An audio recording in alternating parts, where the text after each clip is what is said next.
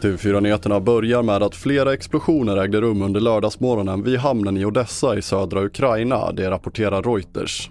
Explosionerna sker mindre än ett dygn efter det att Moskva och Kiev nådde ett avtal som ska möjliggöra export av spannmål som blockerats av kriget och FNs generalsekreterare Antonio Guterres fördömer nu robotbeskjutningen mot hamnen. Det uppger FN i ett pressmeddelande. Ja, det, dels har ju Ukraina naturligtvis för, fördömt det här. En talesman för utrikesdepartementet kallar det för ett slag i ansiktet på FN och FN-chefen Guterres.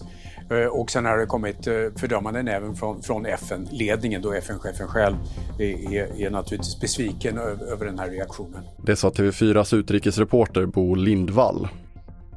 Och en motorbåt har av oklar anledning voltat i vattnet vid Valla på Körn och två personer, en man och en yngre pojke, var inblandade i olyckan. Mannen fick föras till sjukhus medan pojken kommer att söka vård själv, skriver polisen på sin hemsida. Och vi avslutar med att risken för att dö i covid-19 minskade för äldre och sköra personer efter den fjärde dosen vaccin. Det visar en ny studie från Umeå universitet som publicerats i The Lancet Regional Health.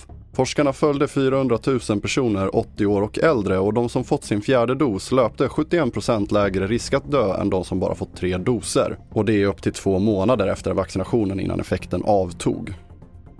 Fler nyheter hittar du på tv4.se. Jag heter André Metenan Persson.